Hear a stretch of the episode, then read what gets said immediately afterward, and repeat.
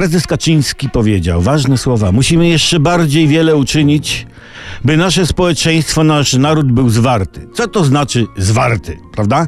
To znaczy nierozwarty. To znaczy, że jak coś tam, nie, to my wszyscy razem ten, tego i już, nie?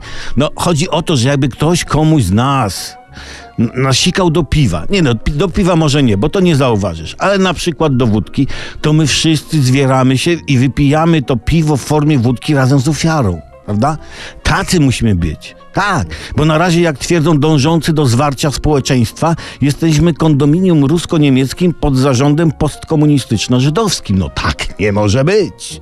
Co zatem należy zrobić, by zewrzeć?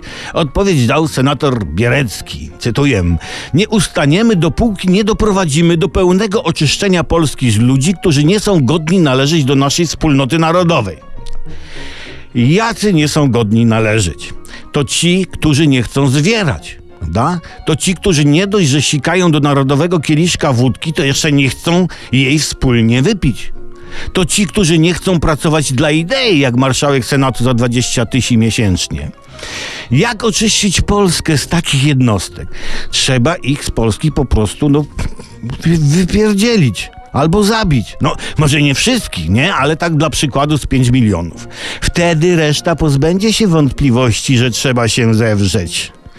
Zwieracze całej Polski, zwierajcie się.